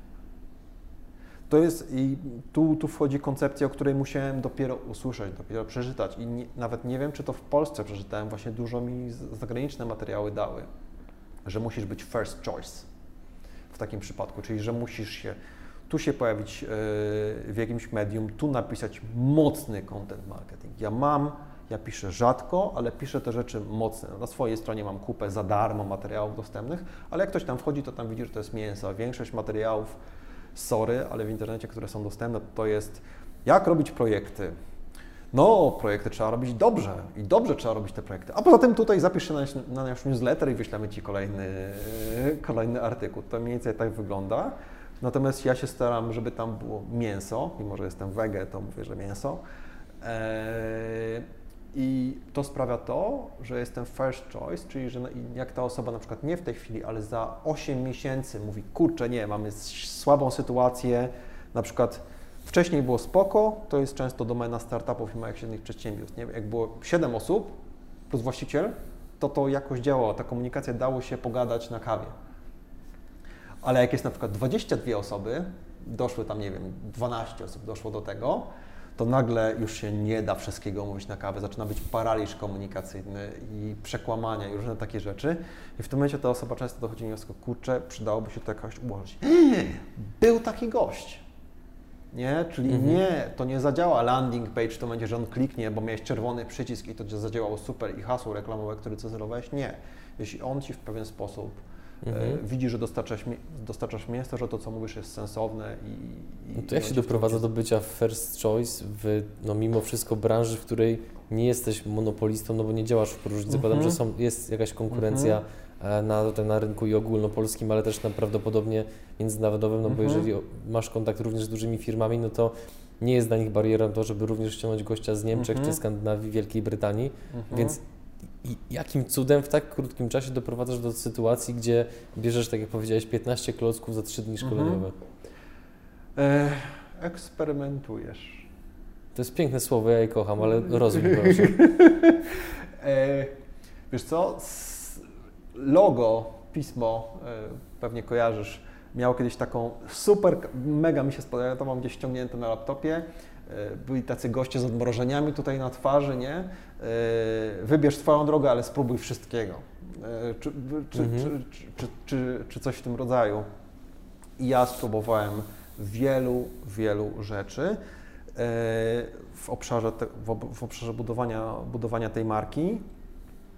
Co ciekawe, mogę powiedzieć, że zaraz, zaraz podam parę przykładów, że działało tylko to, co jest spójne ze mną. Paradoksalnie, w, tak in the mhm. end, E, to mi bardzo pomogła spójność. Zero Bullshit Management to jestem ja i ja buduję markę w sposób zero bullshitowy i trafiam do ludzi, do których to trafia. Czyli na przykład mówi się, że networking się robi, ale na pewno byłeś na różnych eventach networkingowych No większość osób nie ma pojęcia. Nawet nie na, robić. bo już, dobra, ja w ogóle nie bywam na eventach networkingowych, ale na normalnych konferencjach. Mhm. I ja robię networking na konferencjach, ale mój networking na konferencjach wygląda tak, że po prostu sobie, ja jestem, może tego nie widać, ale jestem ambiwertykiem, jestem tak na skraju introwersji i ekstrawersji. Pewnie po tej naszej rozmowie ja będę bardzo szczęśliwy, jak będę jechał w pociągu do Krakowa, bo po prostu zrobię, tak, się będę patrzył przez okno. Eee, więc ja się muszę trochę zmusić na takiej konferencji, nie? żeby podejść do ludzi, ale gadam, chodzę, gadam z różnymi ludźmi, ale ja im nie wciskam wizytówek, nie opowiadam im o sobie, jestem autentycznie ciekaw. Jak mi z kimś nie siada, to po prostu z nim dalej nie gadam. Ale są pewne osoby, z którymi mam flow jest fajnie. I ja nawet nie tyle mam z tego biznes, co często na przykład poznaję inspirujące osoby, z którymi się mogę wielokrotnie później umówić i one mi rzucają jakieś pomysły, jak się dalej rozwijać. Albo czasem one powiedzą o mnie kim, e, komuś innemu, czyli robię taki networking, w który sam wierzę. Czasem w ogóle nie poznaję nikogo, czasem poznaję jeden kontakt, e, który jest na przykład, coś się z tego rodzi po półtora roku, a w międzyczasie też mam jakąś fajną inspirację i, i, i tyle, bo to na przykład dla przedsiębiorcy mega ważna jest e, energia i motywacja. I energia i motywacja, tak jak my sobie wczoraj poszli na bardzo dobre sushi. E, Do Sushi Garden, pozdrawiamy. Eee, Kąpal się strasznie wkurzył, jak mu wysłałem zdjęcie, mówi to nigiri wygląda genialnie. Eee, eee, więc y, straciłem wątek. Eee, I w życiu przedsiębiorcy bardzo ważna jest taka inspiracja, coś, coś, co Ci da paliwo do tego, żeby działać dalej, bo to nie są łatwe rzeczy. No ja tak się, wiesz, teraz mi jest fajnie, zarobiłem sobie trochę kasy, to się siedzę, jest miło. Eee, Natomiast rok temu, jak wiesz, przez dwa miesiące, e, te najbardziej lukratywne, ja widziałem tą całą konkurencję, że mówię, o już robimy bokami, nie mamy co robić. Ja sobie mówię, Jezu, ja też tak chcę. I w takich chwilach bardzo fajnie jest właśnie wybrać się, tak jak żeśmy wczoraj byli, e, wczoraj byli na, na tej kolacji na fajnym sushi i ja Wam powiedziałem, że uwielbiam taką atmosferę, bo to Cię ładuje, spotykasz ludzi, którym się chce, którzy coś robią, w ogóle wiesz, widzą, widzą szerzej, więc taki networking dla mnie na przykład ma taką, Mhm. taką wartość, a nie to, że coś komuś sprzedam. No, a networking często dla Pol- no tak, dla Polaków tak wygląda, przeczytają amerykańską książkę i może w Stanach to działa, bo oni mają trochę inną kulturę. Jestem mega fanem Tima Ferrisa, jego podcastów. Ja również. E, I ja, ale na początku mi to przeszkadzało, bo pochodzę z innej kultury, że oni tam mają ten, to lokowanie produktu, ale sobie wytłumaczyłem, mówię, no dobra, gość po pierwsze musi z czegoś żyć i po drugie w ich kulturze to, to jest normalne, u Tak. nich ta sprzedaż jest bardziej wbudowana, Mhm. ale ktoś bierze, bierze książkę stamtąd i wiesz, w ogóle ma, ma w dupie kim jesteś, tylko ci, o jestem, pamiętam taką laskę do dzisiaj, robimy za, ręcznie robione zabawki dla dzieci, nie? I po prostu bach, bach, bach, bach, bach, wszystkim wizytówki, wiesz. Nikt nie wyraził chęci, nikt nie wyraził zainteresowania i tak dalej. Ja tak, ta laska odeszła, ja to skomentowałem, mówi, no i co, to, za, co ta kobieta sobie myśli? Przecież my wszyscy te wizytówki wyrzucimy do kosza, szkoda papieru, szkoda lasu. Mhm. Znaczy, bo to jest takie, właśnie ja mm, zgadzam się z tym, co mówisz, bo wydaje mi się, że networking często jest w Polsce za bardzo utożsamiane z taką stricte sprzedażą, że Mhm. dajesz tą wizytówkę prawie jakby ona była jakimś takim kuponem rabatowym, że ktoś z miejsca praktycznie to Mhm. kupi, a w momencie, kiedy Rabatów nie daje. My również nie. A w sytuacji, w której otworzysz się na koncepcję tego, że networking to powiedzmy jest taka e, szeroko rozumiana wymiana wartości między ludźmi, Mhm. właśnie w postaci inspiracji, energii, e, pomysłów, wiedzy i tak dalej, to przede wszystkim schodzi z Ciebie to takie napięcie, że musisz jak najfajniej wypaść, no bo w sprzedaży dobrze jest być dobrze odebranym, więc kiedy podchodzisz na ludzie, to właśnie paradoksalnie wypadasz dużo lepiej, bo kiedy, tak jak właśnie powiedział e, Rafał Mazur, którego Mhm. często czytam z jaskiniowca.pl. Im bardziej się starasz, tym pojawia się większe napięcie. Im jest większe napięcie, tym bardziej się starasz. Ja, I ja, ja ciągle mam porównania nie? i na szkoleniach też mam porównania odnośnie kontaktów y, damsko-męskich. Ale to jest, i to jest Mhm. dokładnie tak samo. Tak, Im bardziej się spinasz, to jest tak. No i to ta druga osoba czuje. do Nawet, pewnego Mhm. stopnia to jest słodkie, ale już powyżej pewnego stopnia to jest masakra. No. wraca, idąc dalej, jakie, jakby, czy jeszcze do networkingu chcesz coś dopowiedzieć, czy Eee, może idziemy dalej? Nie, po prostu róbmy ten networking, ale róbmy go naturalnie. Jeśli wrócisz y, z eventu, z konferencji z jednym fajnym kontaktem, z kimś, z kim masz Mhm. ochotę później się umówić na kawę i faktycznie na tej kawie pogadać o życiu, śmierci, o biznesie, to jest moim zdaniem super. nie wiesz w to, że wciśniesz komuś 18 wizytówek i to w ogóle zadziała i tak. I przede wszystkim nie jedź ze spiną, to się może, to jest easier said than done w momencie, w którym jesteś w tej fazie, takiej jak ja, ja byłem ten jakiś czas temu, w fazie desperacji, ale tak, no trzeba wierzyć, że, że, że pewne rzeczy bardziej procentują, procentują e, długoterminowo. Wspomniałem o content marketingu, czyli ja jestem, ja po prostu robię wszystko na przekór. Publikuję rzadko i publikuję teksty, co potrafią mieć po 15 tysięcy znaków. E, bo zdałem sobie sprawę z tego, że właśnie, że większość materiału, czy większość takich dobrych praktyk jest dla ludzi, którzy sprzedają dla większości, a moi klienci nie są większością. Moi klienci to są ci tacy z prawej, z prawej strony krzywej Gaussa, tej od IQ, tej od zarobków, tej od wyróżniania mm. się. I to nie są goście, którzy klikną na y, Doda pokazała cycki, zobacz, z, y, zobacz, który wyskoczył pierwszy, nie? I to są ludzie, którzy nie klikają w takie rzeczy, to są ludzie, którzy posłuchają dłuższego podcastu, obejrzą fajny, obejrzą fajne wideo, oni je obejrzą, a nie wiesz, 3000 znaków to już jest po prostu maksymalna ten. Oni chcą, żebym jeśli ja piszę o jakiś, wiesz, mam ostatnio rzeźbiłem, kurde, przez dwa tygodnie to rzeźbiłem i, i to jest właśnie chyba, ja nie wiem, właśnie z 15, nie, więcej. Tych, no, tych znaków tam jest od groma. E, opisałem cały sposób realizacji projektu tam według Zero Bullshit Management, krok po kroku, od planowania aż po zamknięcie. Jest już opublikowany? Jest opublikowany u mnie. Link będzie w opisie filmu. Tak, jest opublikowany u mnie. On nie jest sexy, tam nie ma storytellingu, tam jest po prostu takie mięs, mięsne mhm. mięso. Jak napiszę książkę, którą planuję na za dwa lata, to tam, tam planuję ją zrobić storytellingowo. Ale i tam jest ze szczegółami, pojawiają się pytania, jakie się, wiesz, bo yy, wątpliwości ja opisuję, jakie się mogą pojawiać i tak dalej, i tak dalej. Bo ja wiem, że takiemu człowiekowi to jest, to jest potrzebne. Jak na przykład bardzo sobie cenię Tima Ferisa, yy, bo tak jak jest For Our Body, For Our Work Week i tak dalej, i tak dalej. Jasne, te książki są trochę zamerykanizowane, trochę z tego uproszczenia, ale kurde, Tim podaje konkretne recepty, mówi zrób to a to. Ja u niego usłyszałem o testach AB, o różnych takich rzeczach, typu na przykład genialna koncepcja, chcesz mieć jakiś produkt, to nie musisz mieć wszystkiego super wycyzelowanego, tylko po prostu spróbuj go sprzedać, a później jeśli trzeba, to bierzesz amfę, jasne, ja nie propaguję czegoś takiego, nigdy amfę nie brałem, ale po prostu dorobisz to nocą. Ja na przykład tak zrobiłem z częścią programów szkoleniowych, które się wydawały w koncepcji świetne, ale w praktyce nie. Stres.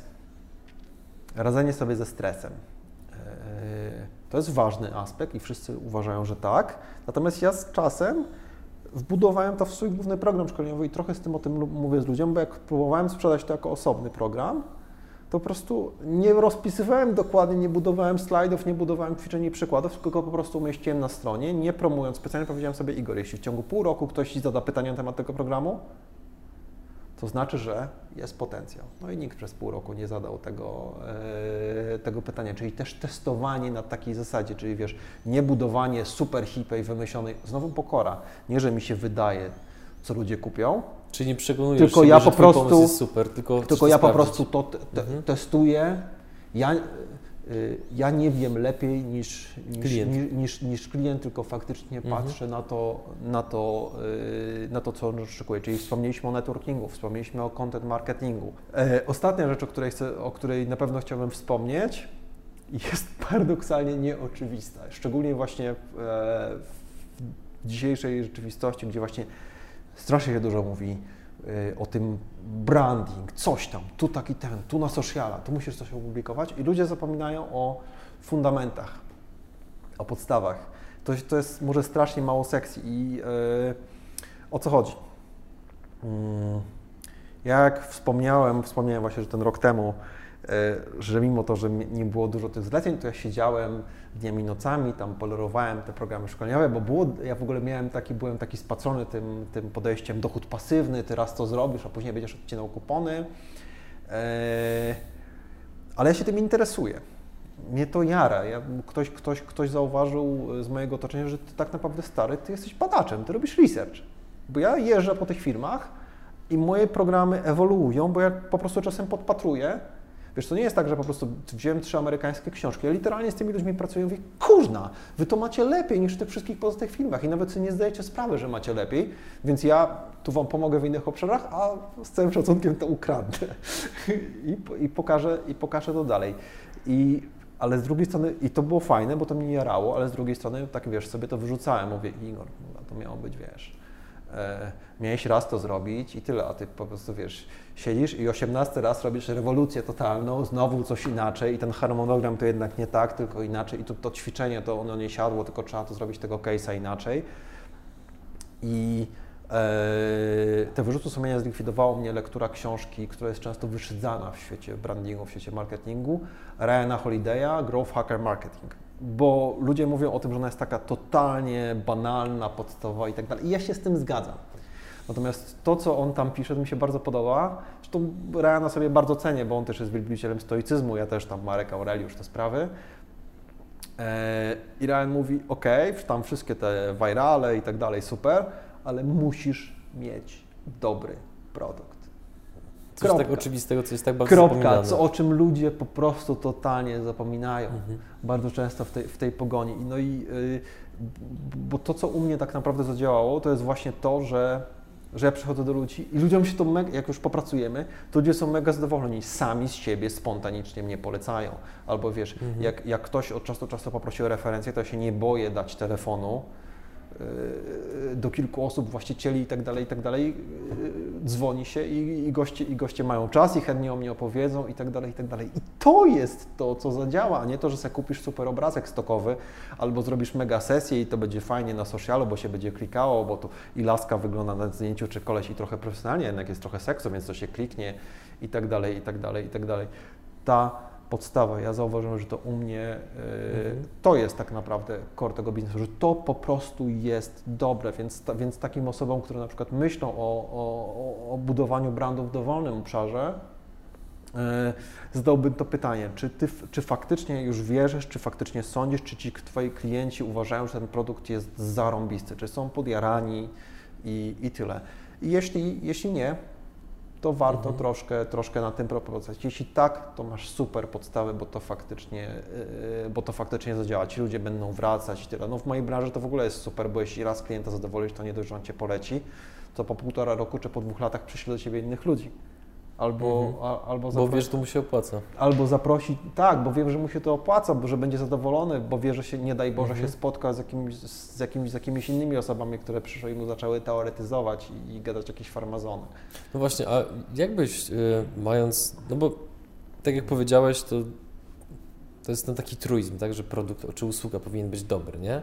Ja się z tym absolutnie zgadzam i, i, i moje pytanie brzmi, jak w takim razie, zwłaszcza u młodej osoby, która dopiero wchodzi w ten świat biznesu, jak wykształcić tą cierpliwość potrzebną do tego, żeby ten produkt bądź usługa został faktycznie doszlifowany. Oczywiście też tutaj, żeby było jasne, bo jestem jakby fanem jak najszybszego mm -hmm. konfrontowania się z rynkiem, więc nie chodzi mi o drobiazgowe majsterkowanie w domu i ciągłe takie tłumaczenie sobie, że nie, jeszcze nie jest gotowy, nie, jeszcze nie jest gotowy.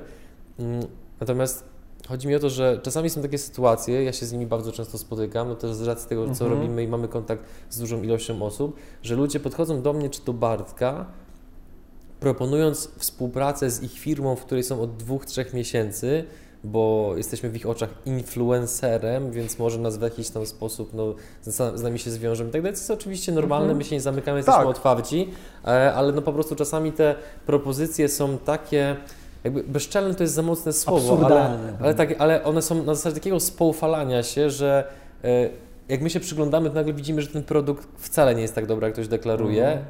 Drobnym druczkiem jest napisane wiele rzeczy, które nam się nie podobają i już puentując to super długie pytanie, jakby jak znaleźć ten złoty środek między sprzedażą tu i teraz nawet przeciętnego produktu, bo musisz mieć za co żyć, a tym stanem idealnym, gdzie chcesz stworzyć produkt, który faktycznie jest dobry, na którym ok, i zarobisz, ale przede wszystkim będzie on służył ludziom. Bo ja widzę, że tych osób, które właśnie stosując jakieś tam techniki NLP, czy jakieś inne gówna, kurczę, którymi się po prostu brzydzę i odczuwam do nich wstręt, próbują...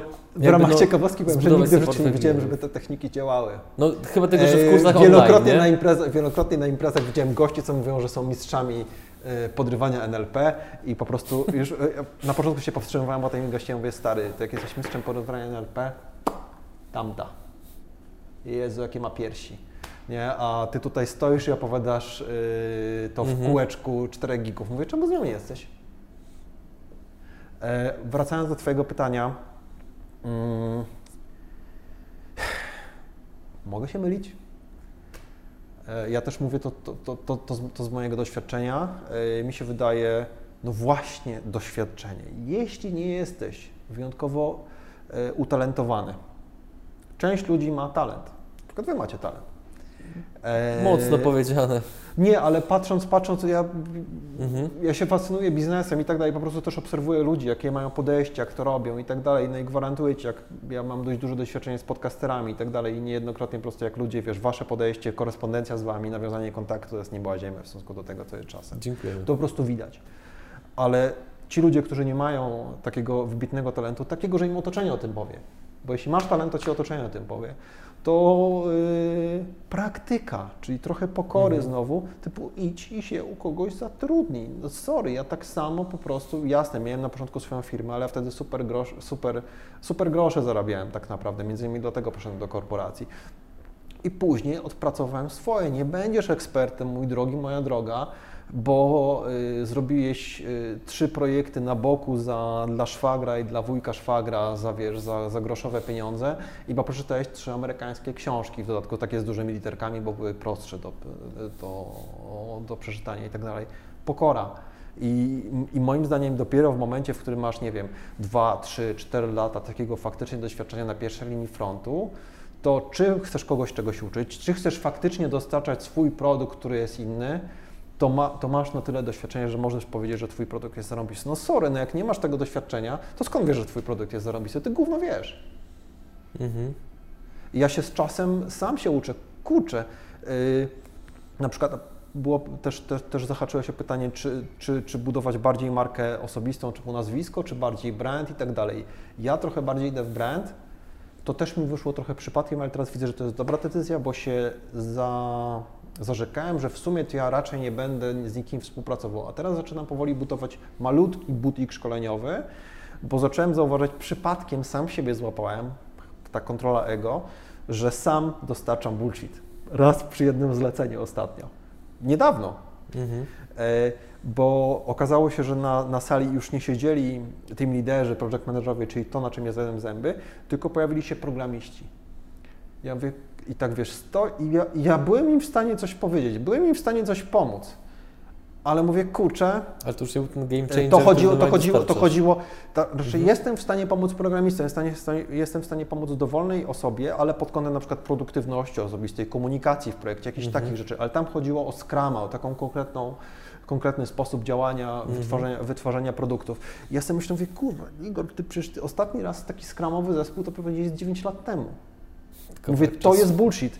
Czyli w sensie już jesteś na tyle oderwany od rzeczywistości, nie mhm. masz tego kontaktu, ty im powiesz rzeczy książkowe, bardzo mądre, ale nie, ale nie powiesz czegoś takiego, co mówisz, na, co mówisz normalnie jest mhm. w innym przypadku, gdzie ja mówię, słuchajcie, książki mówią tak a tak, to jest mądre, ale tu są trzy haczyki z mojego doświadczenia i to wygląda często, gęsto w ten sposób. I na przykład teraz jestem w trakcie rozmów z takim mega doświadczonym gościem i jego będę chciał, chciał wciągnąć do współpracy, bo musisz mieć to e, faktycznie praktyczne, hands-on, trochę, trochę po prostu doświadczenie. A najtaniej, jasne, jeśli znajdziesz głupców, fools, tak, friends and fools and family, jak przy inwestowaniu w startupów, którzy będą Ci przez te 3, 4, 5 lat płacić, e, to Ty zdobędziesz na nich doświadczenie, no ale, ten, ale no bądź świadomy, że ten Twój produkt nie jest w tym momencie doskonały. Oni pewnie nie będą go super, super polecać dalej i tak dalej. A najtaniej i najfajniej takie doświadczenie i najszerzej zdobyć po prostu się gdzieś sprzedając. A na, na szczęście teraz mamy taki rynek, y, który nie jest aż taki, nie jest aż taki trudny to nie jest tak, y, jak ja wchodziłem, ja, ja, wcale nie wchodziłem na rynek pracy w trudnym, w trudnym momencie, bo to 2006-2007 rok, jak już wchodziłem po studiach y, całkiem na rynek pracy, to wcale nie było tak źle. Już byliśmy w Unii, już część osób wyjechała za granicę, więc nie było takiego bezrobocia i tak dalej, ale teraz to i tak jest nie była ziemia w porównaniu do tego, jak ja przypomniałem sobie swoją pierwszą pensję 2,5 brutto, pensja korporacyjna 2,5 brutto, i to już było w Krakowie w IT, a we Wrocławiu moim rodzinnym proponowała mi pani 1800 e, brutto. E, no to teraz e, moim zdaniem można się spokojnie sprzedać do fajnej firmy za trójeczkę to, czy nawet więcej, to, to już w zależności od miasta, mhm. spokojnie i faktycznie zdobyłaś to doświadczenie. Patrzcie, jak się pracuje klientami, trochę tej trochę tej pokory nabrać i wtedy faktycznie wyjść, robić Mhm. coś, coś swojego, bo jest wielu grafików różnych osób, którym się wydaje, że są super, podczas gdy wysyłają mi te swoje prace. No i ja nie proszę mnie o feedback, więc ja się staram nie udzielać proszonego, nieproszonego feedbacku, to też jest jedna z moich zasad, ale po prostu no, jak miałbym udzielić im tego feedbacku, to to jest słabe. To ostatnie pytanie na koniec. Z perspektywy czasu, e, która według Ciebie cecha bądź umiejętność, Mhm. którą rozwinąłeś, była takim powiedzmy głównym determinantem tego, że Twój rozwój postępuje w takim tempie? Będę, będę się powtarzał, pokora. Pokora, po prostu, e, czyli że to, co robię, zawsze można, zawsze można ulepszyć, że jak ktoś mi coś mówi, to może być w tym trochę, trochę racji. Nie, nie, zdecydowanie to nie znaczy, że zawsze. Bardzo Taka otwarta głowa, bardzo tak? dużo tych, bardzo dużo Mhm. tych rad jest słabych i, i tyle. Natomiast teraz widzę, że nie wiem, czy w zakresie chociażby, nie wiem, e, medytacji, e, czy różnych takich rzeczy, że interesuję się i robię takie rzeczy, czy wiesz, czy że w ogóle, e, który, z których bym się śmiał x lat temu. Kiedyś na przykład miałem taką obsesję produktywności na zasadzie, że mówię, ja zawsze muszę coś robić, zawsze muszę słuchać podcastu, zawsze muszę robić tego. Mówię, jak ja w sumie, jak ja idę tu po ulicy, to powinienem obmyślać pomysł na nowy biznes, a na przykład z czasem i śmiałem się z tych takich happy go lucky, co a, tu tego slow life, z czasem ta pokora też mi pozwoliła docenić, że są ważne okresy i takie, gdzie ja napierdzielam słuchanie podcastów, fajnych kanałów na YouTube, jakichś, jakichś takich rzeczy, a są super okresy, kiedy ja się zmuszam, zostawiam laptopa w domu i na przykład wyjeżdżam i chodzę trzy dni po górach z niczym. Robię tak, że biorę tylko mój, gdzieś tu mam pokój, mam oldschoolowy telefon Caterpillar, na którym nic nie ma, nie ma w nim MP3, nie biorę, nie biorę słuchawek i po prostu chodzę sobie po tych górach przez trzy dni bez laptopa, bez niczego i tyle. I to jest taki mega reset. Kilka lat temu bym się z tego śmiał, bo to jakieś tam metody hokus pokus, a właśnie ta pokora pozwoliła mi zacząć próbować pewnych rzeczy, nie śmiać się z góry. Ja, tak, tak, tak jakbym chciał to zamknąć, to masz prawo się śmiać wtedy, kiedy spróbujesz.